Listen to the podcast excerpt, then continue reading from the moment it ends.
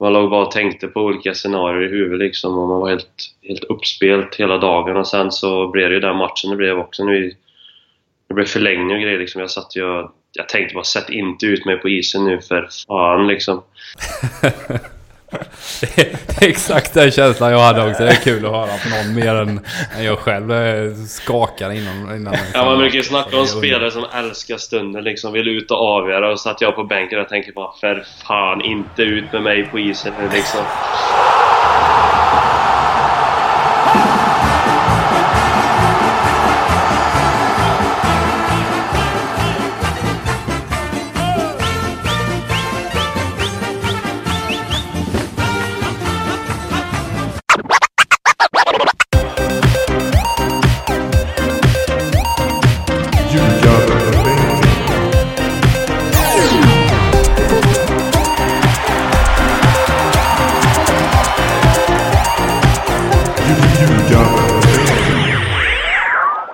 Ljugarbänkens VM-podd är här idag igen som alla andra dagar under detta mästerskap. Eh, och idag, vi har ju gäster allt som oftast. Eh, men det, idag är det en eh, gäst som sticker ut av flera anledningar. Dels för att han har vunnit ett VM-guld ganska nyligen. Och då tänker ni ju så här, vad är det för tysk fotbollsspelare ni har med? Nej, så är det inte. Utan det är också den första hockeyspelaren som vi har med som gäst i den här podden. Jakob Delaros, välkommen! Tack så mycket! Över Skype. Eh, för du är inte i Helsingborg, utan du är i... Nej, inte i Helsingborg. Jag sitter i lägenheten i Karlstad. Hur är läget i Karlstad? Det är, solen skiner ju alltid där har man hört. Ja, ja idag gör det faktiskt det. Men det, det var några dagar sedan det gjorde det sist. Men idag gör det så ingenting att klaga på.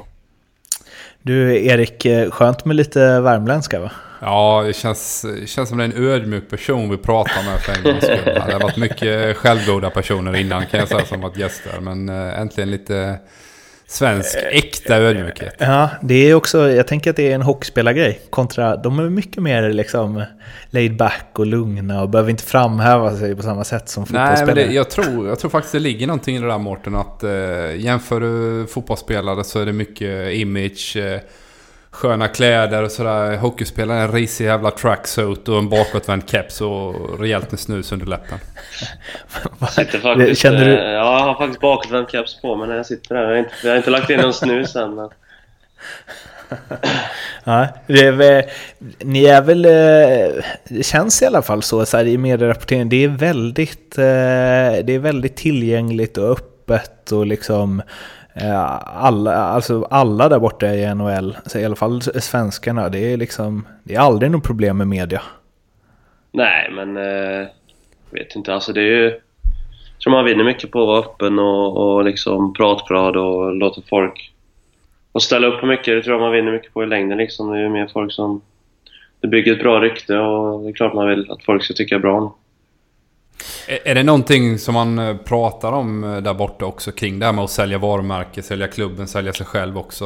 Jämfört med kanske då fotbollsspelare som eh, bara vill vara med när det, när det lite passar dem också?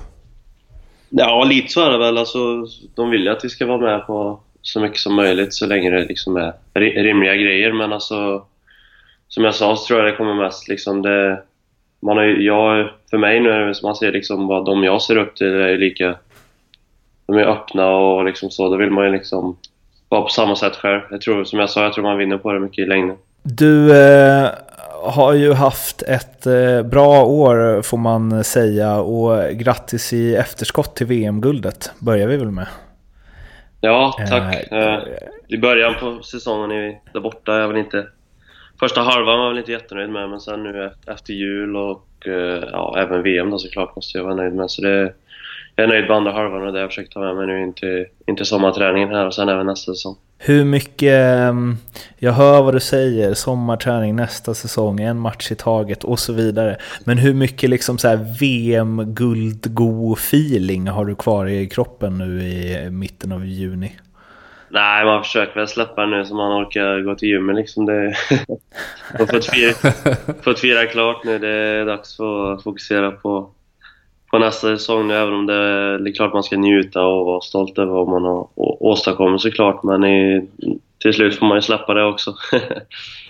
Vi, vi pratade om det, vi nämnde det för dig off-podd att vi spelade in med Pontus Fanerud nyss som sitter här i fåtöljen och lyssnar på oss två i alla fall. Eh, och eh, då var vi inne på Cristiano Ronaldo, vilken oerhörd liksom, drivkraft han har i att hela tiden bättre och bättre. Och eh, Pontus sa det att hade man själv gjort eh, tre mål sådär mot Spanien i VM, då hade man ju varit nöjd sen. Då är det bara klar och checka ut. hur, eh, hur jobbar du med liksom, för att inte så här, för det måste ju vara svinnice att vinna VM-guld. Att inte bara, åh oh yes, världsmästare sofflocket nästa liksom? ja, och nej, dels så är det ju liksom... Alltså, det är ju bara en del av...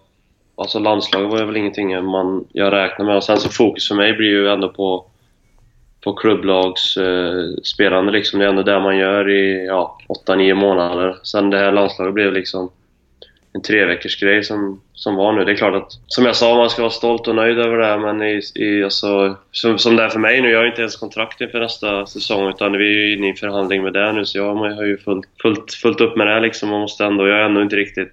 Visst, jag var uppe i NHL hela, hela förra säsongen, men jag känner mig ändå inte riktigt helt etablerad liksom. Jag har ändå, det är alltid några andra som försöker ta mitt jobb liksom. Det är, unga grabbar som tränar skiten ur sig nu för att visa att de är bättre än mig till nästa säsong. Då måste jag också liksom börja träna nu och visa att eh, jag, jag ska verkligen bli etablerad. Det var ingen, ingen liksom, jag vet inte vad man ska säga, men det var ingen uh, engångsföreteelse att jag fick vara uppe hela förra säsongen och fick vara, utan nu vill jag verkligen slå mig fast i NHL och bygga en, bygga en karriär där. Unga grabbar, du är ju 23.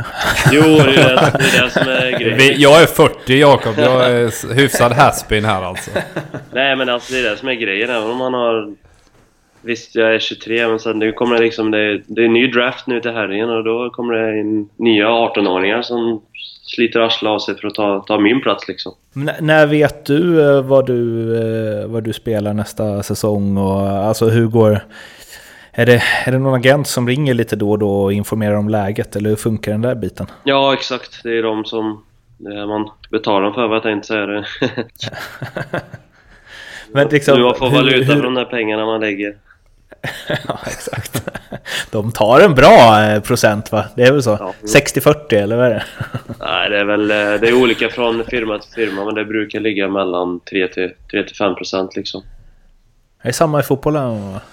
Ja, där snackar man nästan 10% till agenten så att eh, du har nog hittat en bra deal där känns det som 3-5 där. Vi har blivit skinnare eh, i år 15 år. År ut och år in. ja, jag har också prata med, för jag var och kollade på Blåvitt för någon helg sedan och då satt jag med Stefan Selakovic under matchen. Han är ju agent nu och då pratade vi lite på det här med avgifter och grejer. Och, och på han lät det som att det var liksom mer att klubbarna betalade den avgiften till till agenten som jag förstod det. Men det var väl på att ändras lite där också tror jag. De riktigt skickliga agenterna, det är väl liksom italienarna och så. Där, jag tror de, där är det ju som Airbnb. De tar liksom avgift från alla möjliga jävla håll och kanter. Det är liksom 5% från klubbarna, 5% från spelarna och sen lite under bordet och så är man hemma. Eller Erik? ja, men det, det, är ju... I fotbollsvärlden är det ju väldigt smutsigt. Som du säger, dubbelfakturering förekommer ju väldigt ofta. Eh, alltså man har ju hört eh, skräckstories där agentet först tar av spelaren, som du är inne på Mårten, och sen får man ett konsultarvode från klubben också för utfört arbete. Så då tjänar man ju säkert mer än 10% också. Ja. Och sen är det någon assistent som man inte ens vet har varit med i bilden som också ska ha pröjs. Liksom. Exakt. Ja. Eh, när räknar du med att veta vart du ska befinna dig när säsongen drar igång? Jag räknar med att vara kvar i Montreal. Liksom. Det, eh, dialogen vi har haft så var ju redan direkt efter säsongen så var, lät det som att de de, som jag sa, de var positiva de också med andra halvan och ville ha kvar mig nästa år. Nu är det bara liksom att komma fram till vad, hur långt kontraktet ska vara, vad det rör sig om för pengar och grejer. Men det är ju det som jag sa, det får ju agenten sköta. Men att det blir... Att jag blir kvar där borta räknar jag ja, 100% med. Sen får vi se Men sen vet man aldrig i NHL heller liksom. Man kan ju ringa om en halvtimme och säga att du ska till Buffalo nästa år liksom. Det vet man aldrig där borta. Man har ju ingen säkerhet överhuvudtaget. Det är intressant. Och du är väl inte riktigt i det läget att du kan få in en sån non-trading Nej, nej, inte riktigt. Jag...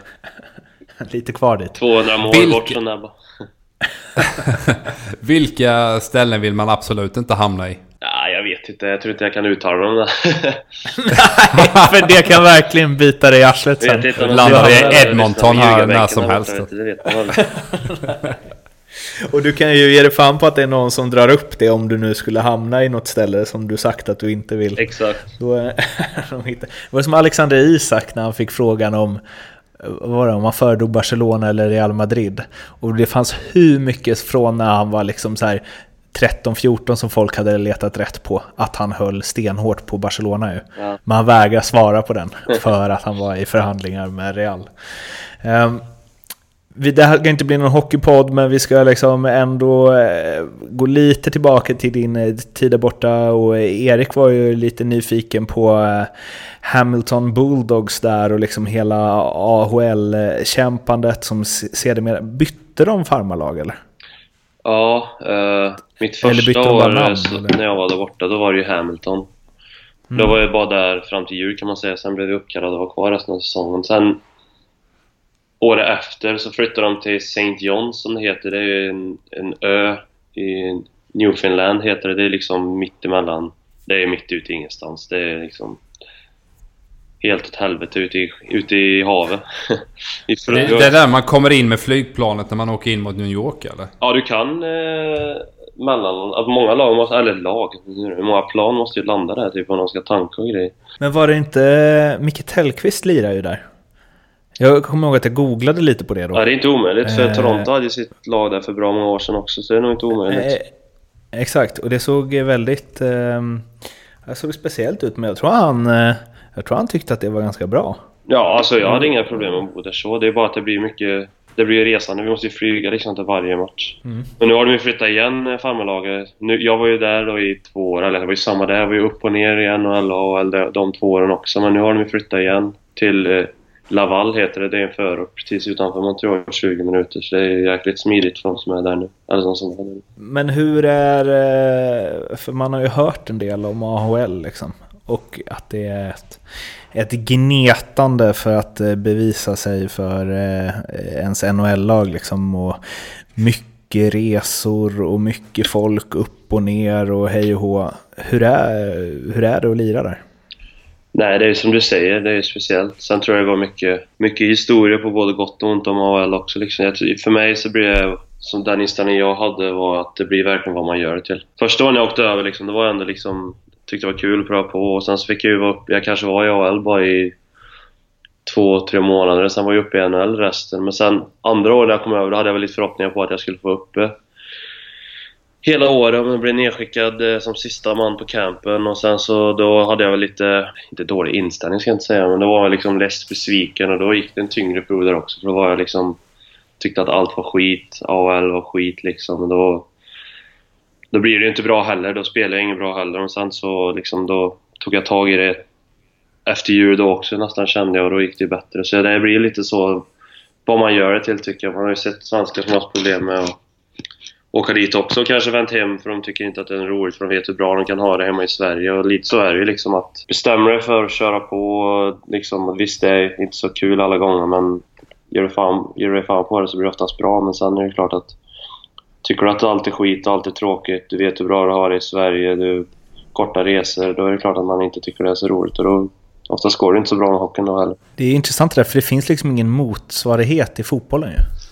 Nej, vi har inte... Alltså, det är ju B-lag då i så fall, men då är det ju samma förening. Alltså, eh, alltså min bild av AHL är liksom... Det blir ju den här gamla filmen Slapshot nästan, liksom, där man... Eh, eh, ja, åker runt på risiga arenor och det är mycket buss och, och det är slagsmål hela tiden. Det är ju de fördomarna jag sitter med. Stämmer det där lite grann eller? Ja, det är väl lite ex extremt kanske att ta men alltså det finns för mig, ja, nu, det finns en liga under också liksom, det är ju det som är grejen. Det finns ju så här East Coast Hockey League också, det är om du blir nedskickad från, från AHL. Då har jag hört... Där liksom, vill man inte vara. Nej, men då har jag nästan hört att det är lite så som du säger. Alltså inte så extremt givetvis, men det är lite den känslan man har fått. Men alltså AL är ändå... Det är ändå proffsigt liksom. Det är, det är mycket bra spelare där också. Det är många som skulle platsa i, i, i NHL och även alltså några som hade kanske till och med dominerat i SHL hemma i Sverige då. Men det, det är ju utvecklingsliga och det kanske inte är så mycket det är inte så mycket, vad ska man säga, klubbhjärta och man spelar för varann utan i den ligan har jag känt framförallt att det är väldigt mycket fokusera på ditt eget, sköt ditt så löser det sig liksom. Det är väldigt, väldigt många som fokuserar på sin egen insats och sina egna poäng och, och bryr sig bara om det. För det är, ingen som, det är det som är grejen i AHL. Ingen vill ju vara i AHL. Alla vill ju ta sig vidare någonstans, så det blir mer... Man är ju, som svensk så kommer dit så är det väldigt speciellt för du är ju van här hemma liksom. Alla i alla fall det jag pratar för när vi spelar i Leksand liksom, där är ju alla spelar ju verkligen för, för Leksand.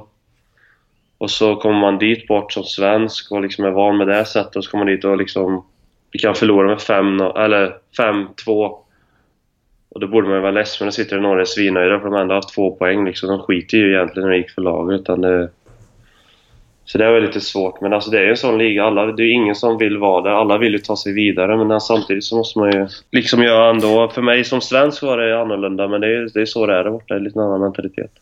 Det där är ju liksom extremt speciellt. Jag kommer att prata med David Ullström någon gång. De hade ju haft så här 65 spelare tror jag, under en säsong. Ja. Och liksom vissa som bara så kom ner en, alltså de bara var där en match och sen, det var liksom aldrig någon som hade hälsa på honom. Och sen bara var han borta igen. Nej, exakt. Det blir en jäkla rullans på spelare också. För som det är som sagt en liga under också, så ibland är det ju några som är uppkallade. Då måste man ta upp killar från, från ligan under. Då kan det vara liksom rullans på tio spelare på fem dagar liksom. ja, för det, det är ju också något som skiljer extremt ju. Mot alltså fotboll.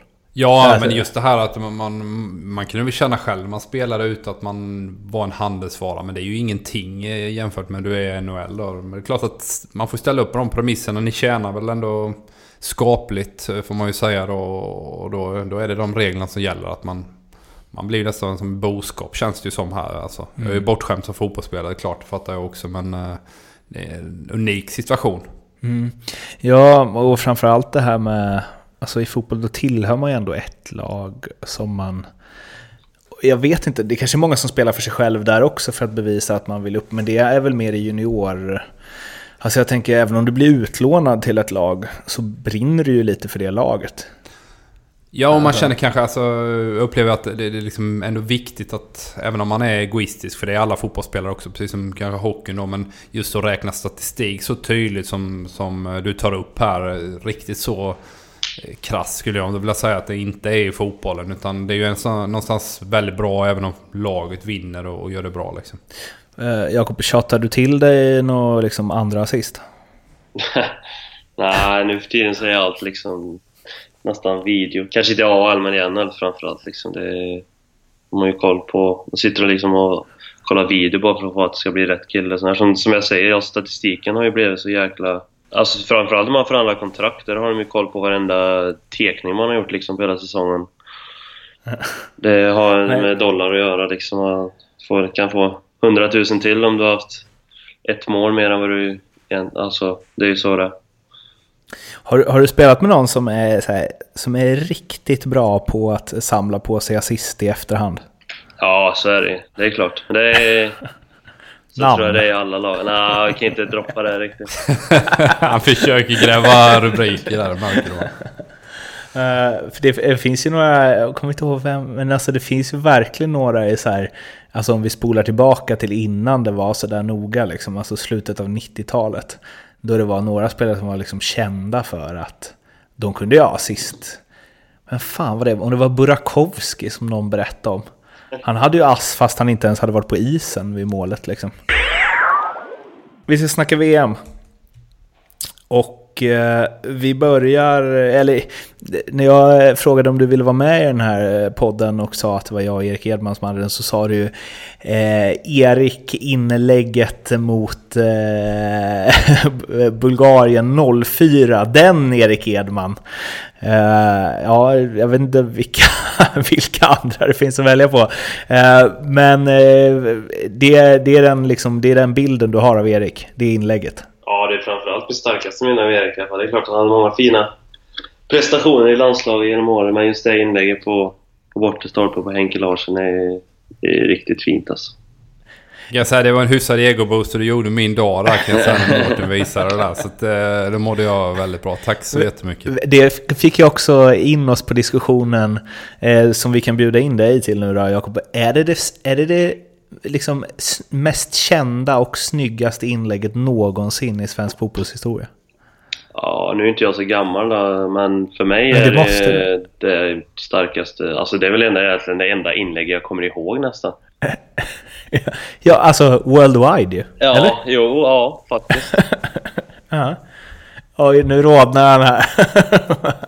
men vadå, kommer du ihåg något inlägg då, Erik? Som är liksom...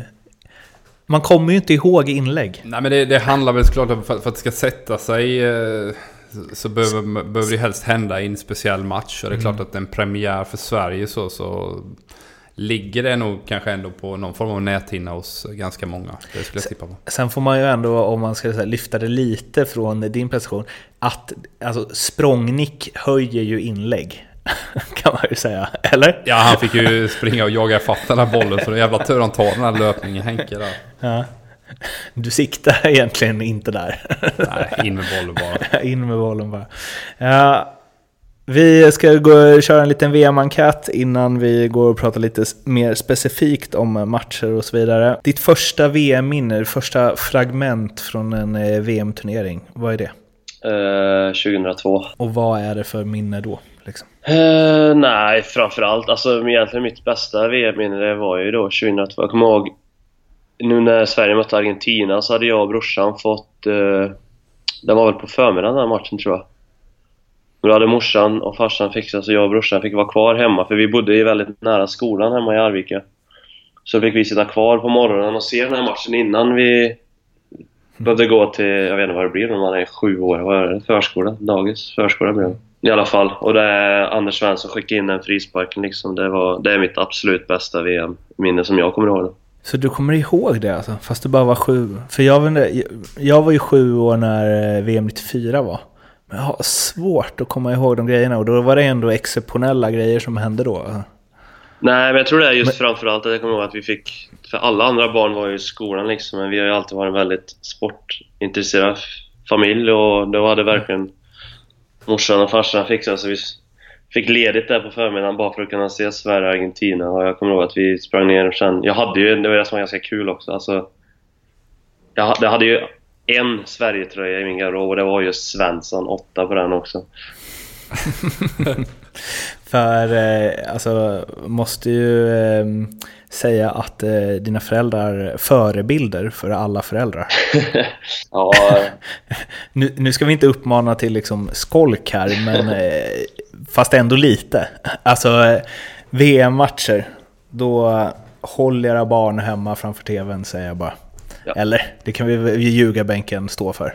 Ja, men det är vad fan. Eh, det finns ju inte eh, en svensk eh, fullvuxen man som, eller kvinna som jobbar när det är en Sverige-match. Så att fasen ska ungarna vara hemma också och kunna kolla fotboll. Skriva skrivs till kan man göra någon annan gång. Om man ens gör det i skolorna nu för tiden. Om vi säger så här då, du kan, det kanske är samma svar på det här, men det låter ju inte så. Men vilket är ditt VM där du verkligen så kommer ihåg allt och kanske började liksom följa spelare och kommer ihåg hela, liksom, stora delar av matcher och så? Ja, det, det är jag inte så mycket från 2002. Det är nog 2006 som det var mer. Mm. Det var, då kollade vi nästan alla matcher, kommer jag ihåg. Vad, vad minns du från det? Var liksom, fanns det någon, något som fastnade specifikt där? Nej, det var väl framförallt eh, alltså att Italien gick och vann kommer jag ihåg. Var helt, det var Grosso som la in avgörande straffen. Mm. I, fast det, det var väl i... Nu ska vi se här. Ja, jo precis. Exakt. Är, Grande Grosso. Ja, det är helt ute och cyklar nu. VM 06. Ja.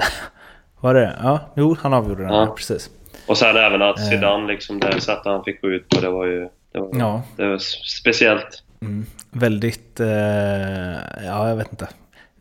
Är det någon... Är det någon man ska skalla i sin sista eh, match någonsin så är det väl eh, Materazzi. Det är väl ingen snack om det. alltså, jag blev mer så här, varför satt han den så lågt? tänkte jag. Om han nu ändå ska göra det. Ja, det är väl han eller Pep. Om någon hade gjort det på Pepe i år hade jag inte direkt grinat heller. Nej, fan vad gött det var att det var han som Costa sänkte där innan Faktiskt. eh, målet. Man tänkte, eller båda de är ju liksom som de är. Men ja. Eh, vilka vinner VM? Jag tror att... Oh, vad jobbigt. Jag säger Frankrike. Mhm. Efter den första matchen. Ja, jag tror det var bara... Jag hoppas, om jag säger så här, alltså klart att jag hoppas att Sverige vinner, men det är ju inte realistiskt. Men eh, jag hoppas att Argentina vinner. Jag vill verkligen att Messi ska vinna VM. Ja, det är exakt så sa Pontus nyss också. Att man vill att Messi ska verkligen... Varför vill man? Han har ju vunnit allt. Jag vet inte, men jag är ju på den sidan av den här Messi-Ronaldo-debatten, att jag är på Messi-sidan liksom. Så jag vill att... Det var intressant, för vi har precis haft den också. Nu vill jag höra liksom eh, ett hockeyproffs eh, take på varför Messi är bättre än Ronaldo. Jag vet inte, jag vet inte. Alltså, bättre... eh, Ronaldo är ju helt sjukt bra också. Det går inte att...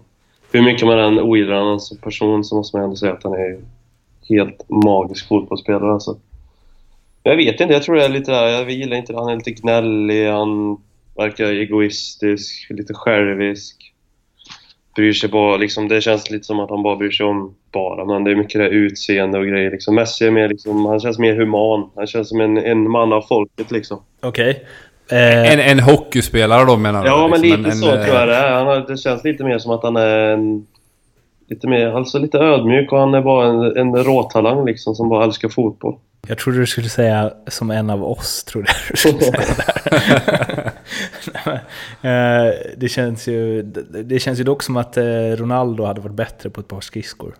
Om, man, om de skulle få träna tre veckor var tror jag Ronaldo hade varit vassare. Eh, Men Messi, alltså nu är jag, jag är inte team någon av dem, men det här, så här bry sig om utseendet, alltså det är ändå Lionel Messi som har liksom tatuerat ett helt jävla ben eh, och eh, färgat sitt hår och skägg i 17 olika färger och liksom Eh, han gjorde väl liksom två, eller i alla fall en sliv, bara från en dag till en annan så hade han en sliv. Eh, jag skulle säga att han också lite, lite faktiskt bryr sig om sig själv.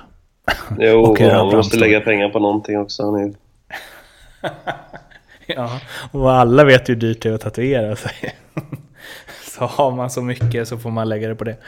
Eh, vem vinner skytteligan då? vi har ju kört, eh, vi har ju ett eh, eget VM-tips här, jag och några polare. Jag har ju sagt Agüero där så jag stå fast. Börjar helt okej. Ja, Fast det var ju lite synd att Ronaldo, den här jäveln satte ju tre direkta. Nu känns det ju omöjligt. Mot Spanien också liksom, han har ju de lätta lagen kvar nu.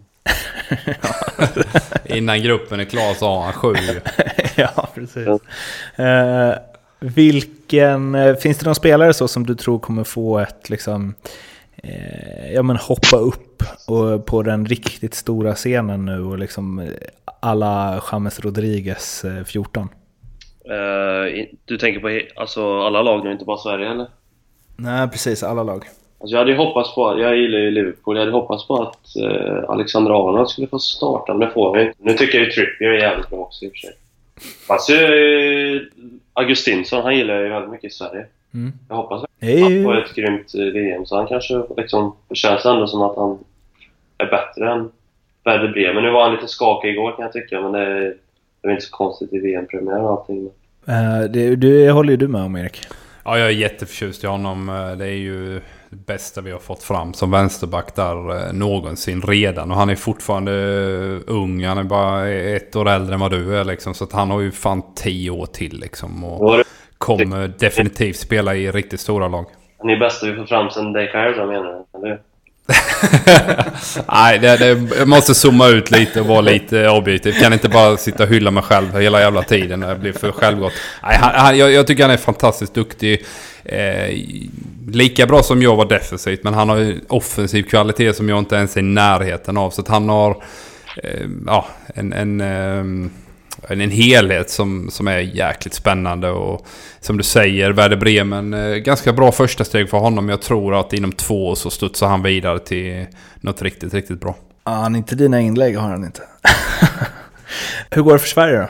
Eh, jag tror vi går vidare från gruppen och sen så verkar det som vi får Brasilien i åttondelen då blir det ju tufft liksom. Det är ju bara, det är bara att vara realistisk. alltså, Så jävla nice att du ändå tror det. Det är liksom, jag har suttit med tre uh, för detta fotbollsspelare här och uh, liksom alla tror att Sverige är körda. Och det har varit så jävla deppigt sen igår, tycker jag. Ja, det alltså, finns, finns liksom... Innerst Det inne om man det ska se till... eh, Nej, nej. Förmodligen går vi ju inte vidare, men jag är ju... Jag vill ju att vi ska gå vidare, det måste jag tro på. Jag säger det liksom. Det är bara att Ja, det. exakt. Kryss mot Tyskland, stänger igen där, 0-0 och sen slår vi Mexiko. Brasilien slöfsar lite, kommer tvåa i gruppen, vi får Schweiz och sen så är kvarten klar. Jag har ju sagt 0-0 Tyskland, 1-1 Mexiko det borde ta oss vidare alltså. Eller? Eller har jag räknat fel då? Eh, Ja, det, då blir det väl, vad sa du, 1-1 och 0-0. Ja. Alltså en poäng i vardera. Jo, men det tar oss vidare. Ja, exakt. Tyskland och Djurgården. Ja. Bra. Bra tips. Eh, om Sverige inte vinner då eh, och du inte behöver vara det minsta realistisk utan bara så här, vilka håller du på då? Eller så här, om Sverige inte är med längre, vilka tar du rygg på? Helst. Ja, det vore ju kul om så här, typ Senegal eller någonting skulle gå vidare. Då skulle jag ju hålla stenhårt på dem. Uh, Mané. Ja, exakt. Men något skönt, något skönt afrikanskt sambagäng liksom, det vill jag ha vidare i så fall. Eh, afrikansk samba, det är Vad kör de där nere? den dansen. Afrikansk eh, Nej, jag vet inte, det är väl någon sån bongotrums-grej tänker jag. salsa där? Eh. Nej, det blir inte heller. Nej, det är det nog inte heller. Nu är vi ute på riktigt jävla djupt vatten här Eh, det, allihopa här känner jag. är, det är inte tre experter på dans som sitter här. Det är en sak som är klar. Men eh, alltså, man märker ju när du eh, snackar nu att eh, du kollar ganska mycket fotboll va? Ja, eh, Det känns så. Inte, jag vill en match tror jag missar än så länge VM. Jag tycker det är... När det är VM liksom, man väntar fyra år då får man Då får man sitta upp och se varenda match. Men- är det, hur funkar det liksom? För det låter ju som, ja men du snackar liksom Trippier och så. Du, kollar du mycket fotboll under säsongen också? Ja, eh, följer mycket Premier League liksom. Sen är man ju med i alla såna här fantasy-grejer och så. Det är då man har fått upp ögonen. Nu vet man ju liksom vad vänsterbacken i Burnley heter. Det visste man ju inte innan man var på med fantasy-grejer och sånt. Men hur mycket har du, eh, för jag, jag kommer ju bara ihåg från när jag har varit liksom i New York och så, och så ska man se någon Liverpool-premiär och så, då är det liksom 10.00 på någon pub. Fyra matcherna på lördagar blir ju 10. så då... Det brukar passa rätt bra för då vi brukar ha träning typ vid eh, 11 eller någonting så då kan man se i- omklädningsrummet. Vi har ju TV-apparater där och grejer. Ser man första halvlek sen så får man se slutet när man kommer av träningen men eh, det blir alltså... Jag tycker det är skönt också. Man går upp på morgonen och ser på fotboll istället för att vänta till eftermiddagen. Det, det händer ju direkt liksom. Det är gött. Ko- Kollar du mer fotboll än ishockey då? Ja, absolut. Uh, vi, jag kollar inte många hockeymatcher per säsong. Alltså. Det blir ju att man... man le- lever man i hockeybubblan dygnet så är det skönt att sitta och se på någon, någonting annat. Och sen så håller jag ju som sagt på, på Liverpool med mitt eh, favoritlag och det lag som jag följer mest det är ju, det är ju IFK Göteborg. Eh, Hur mycket, varje match eller? Ja, de kollar jag varje match på. Det är det är det enda laget jag liksom brinner för vad jag tänkte säga. Det är de jag följer och har koll på. Eh, Hur funkar det, alltså allsvenskan från Montreal, det är inga problem liksom? Nej, det blir ju streama. Men det är, det är ju mest nu liksom, det blir ju under säsongen. Men, eh, det blir ju avslutning man får se nu när jag åker över där borta. Men annars är det ju, eftersom Allsvenskan håller på under sommaren så... Är du, eh, nu sa du ju att du satt bredvid eh, Selakovic, men är du liksom in i klacken och sånt också? Nja, när jag var yngre så var det väl där man stod. Det var ju billigast biljetter liksom. Men nu senast... Nu har du råd med sittplats. Ja, exakt. Den, eh, senast jag var där så har Tobbe, Tobbe Hysén fixat biljetter till mig så det var... Då var det lågbiljetter antar jag. Ja, senast var det, då var det riktigt stort. Då fick jag sitta med mina gamla barndomsidoler. Då var det Selakovic, eh, Hannes Stiller och Bjärsmyr. Så det var stort, det var stort för ett gammalt Blåvitt-fan. Det var, då, då lyste det i ögonen på mig. Men, eh, eh, alltså blir du... Eh, Erik berättade här off-podd någon gång när han hade hamnat bredvid Peter Forsberg och hade tusen saker han ville fråga men inte fick fram ett ord. Hur eh, blir du starstruck liksom? Ja, då blev jag det faktiskt. Det var, alltså, det var, fast det var ju kul för de hade ju lika mycket frågor till mig liksom. För de är ju lite vissa mer än andra utav dem kanske, men de var ju intresserade av hockey liksom också. Funkar. Så det var... Vi, hann, vi kollade inte så mycket på matchen, det var mer att vi satt och frågade varandra om uh, olika sporterna nästan.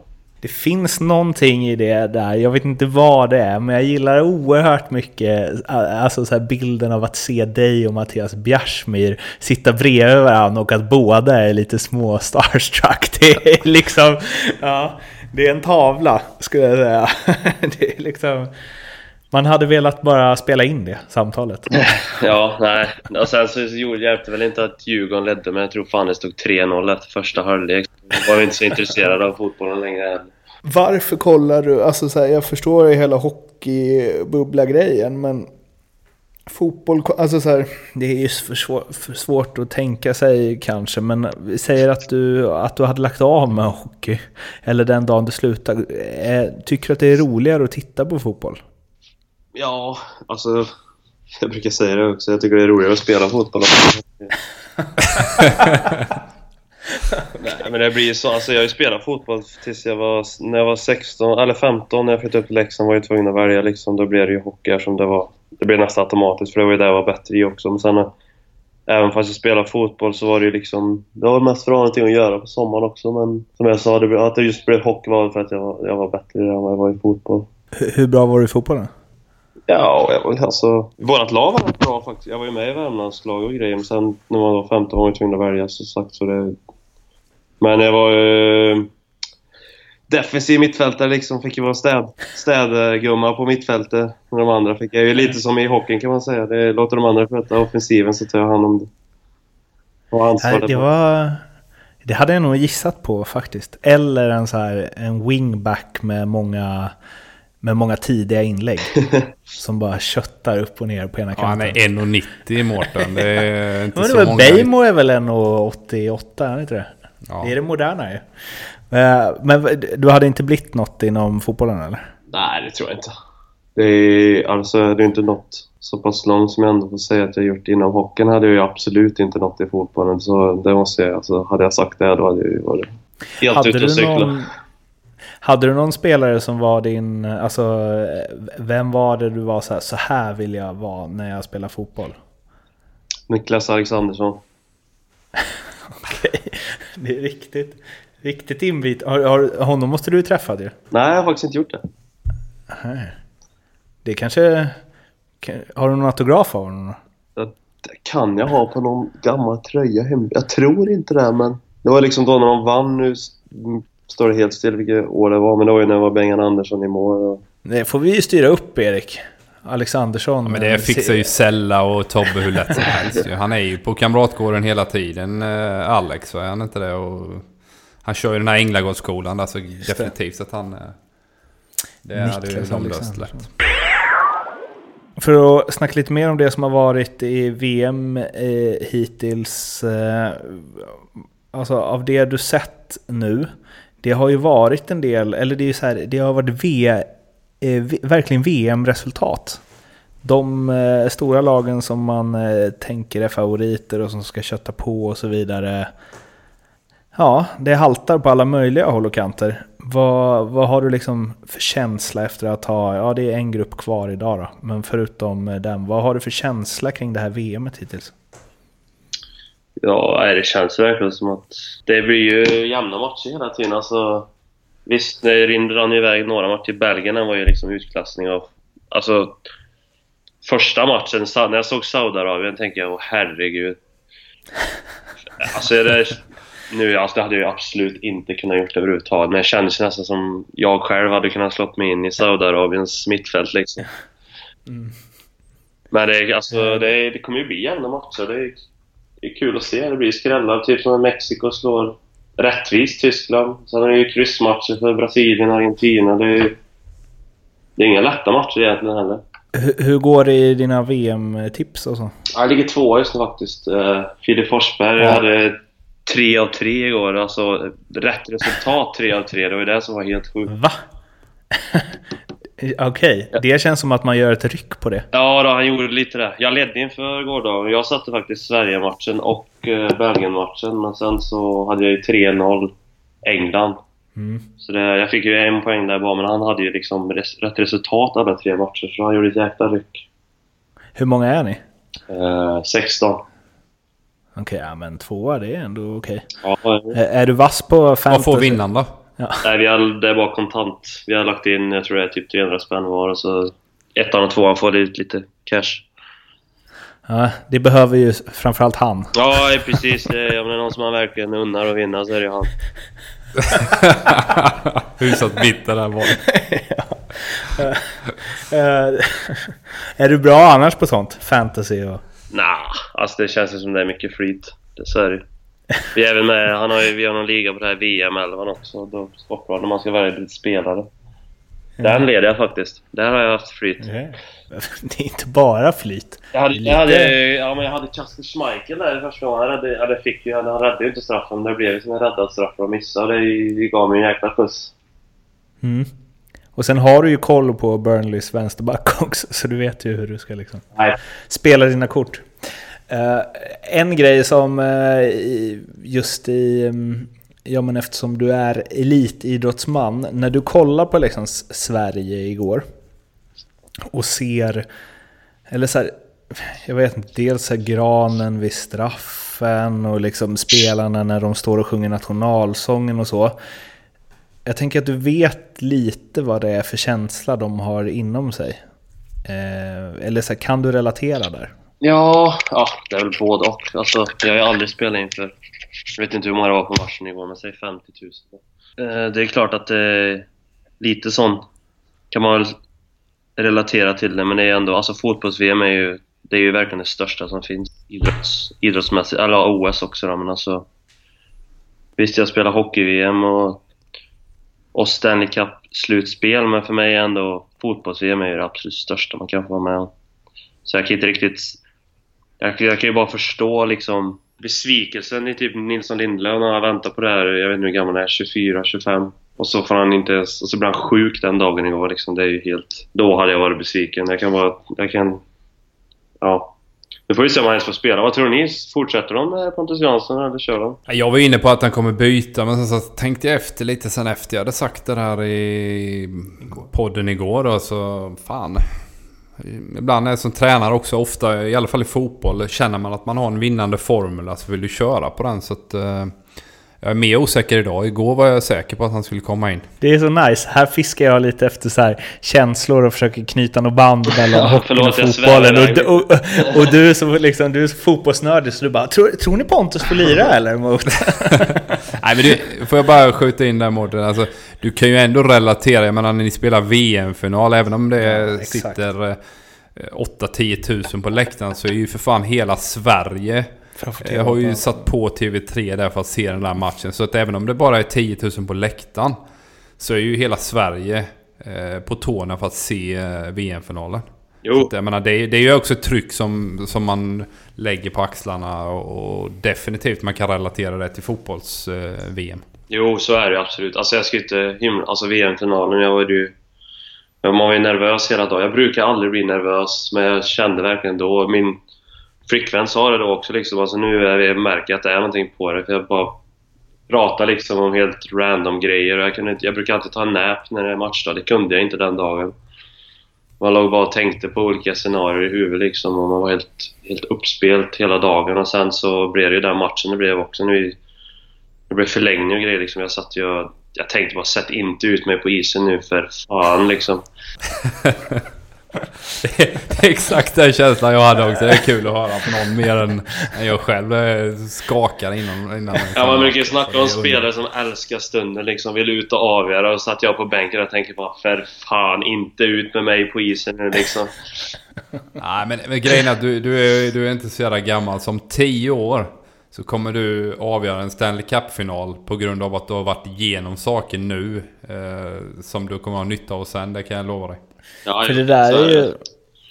Det där är svårt att liksom... Eh, för det, jag, jag, tycker att det är så himla härligt att ni säger det för att någonstans så... Eh, Alltså jag vet inte, vi hade straffläggning när man var 10-11 år. Så jag var liksom bäst på att slå straffar av alla på träning. Fick alltid frågan först, sa alltid nej, vände mig bortåt och tittade åt ett annat håll.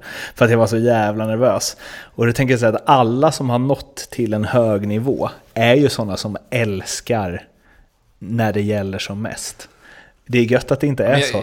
Alltså jag, ja, det stämmer säkert delvis Mårten. Men det där finns ju också en machokultur inom elitfotboll och mm. säkert inom elitishockey också. Att man ska visa att man är den här alfahannen som är så jävla tuff och hård hela mm. tiden. Va? Och ibland är det nog faktiskt bara en fasad som man mm. försöker uh, hålla upp.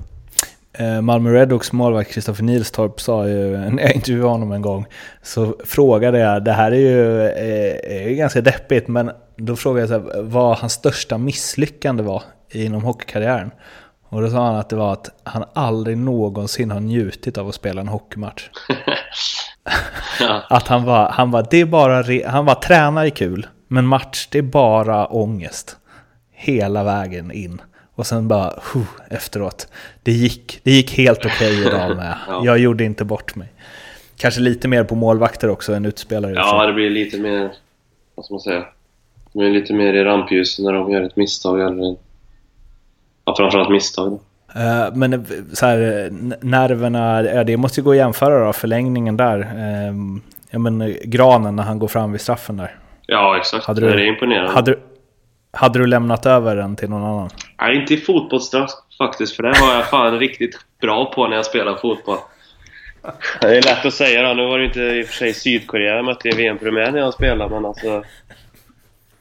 Karlstad BK, Karlstad BK borta på Tingvalla vallen, då, då var jag självsäker när jag klev fram. Men jag tror inte jag hade varit så självsäker om jag hade gått fram mot Sydkorea igår faktiskt. Hur slog du straffarna? Jag var alltid högt upp till vänster. Ja, okej. Okay. Hur, hur, är du på hockeystraffar? Om det hade blivit strafflängden där i VM-finalen, hade du eh, blivit tillfrågad då tror du? Eller hade de tagit någon annan? Jag var nog väldigt, väldigt, väldigt långt ner på den helt bedrövlig på straffar när det gäller ishockey. Vadå det? Så jävla dålig kan du inte vara. Nej, men jo, du spelar i NHL. Liksom, jo, men för det behöver man inte vara bra på straffar. Det finns ju någon som spelar i division 3 i Arvika och kan vara bra på straffar liksom. Va, vad gör du då? Är du, det är det som är du, grejen. Du har aldrig... Jag har ju ingenting. Ja, någonting borde du ändå kan känna. Åker du fram och bara så här, oj, nu är jag för nära målvakten, nu måste jag göra något. Ja, typ. Nej, men jag hade nog kommit in med mycket fart och sen försökt liksom en liten skottfint och kanske få upp en backhand i, i nättaken. Men det oddsen på att det hade förmodligen inte varit så, så låga. Men. Ja, eh, vi ska inte nörda in oss eh, mer på varken dina fotbollsstraffar eller hockeystraffar. Men det var väldigt trevligt att ha med dig. Ja, nej, tusen tack för att jag fick vara med. Eh, så hoppas vi att eh, din optimism kring eh, Sveriges vidare spel i VM, att det ger någon form av effekt. Ja. Så kanske vi, ja, vi kanske kan höras igen. I, vi säger så här då, gå, om Sverige går till kvarten, då får du vara med igen. Låter det bra eller? Ja, det blir jättebra. Eh, men uh, ut och träna nu så att inga ungdomar uh, kör om dig i Montreal där. ja. Och var noga med stretching och sånt när du kommit upp i den här åldern. Ja då. och ha det så fint. Och Erik, vi hörs ju med lyssnarna i morgon igen. tack Jakob och sköt om dig så hörs vi. Hej! Tack ha det bra.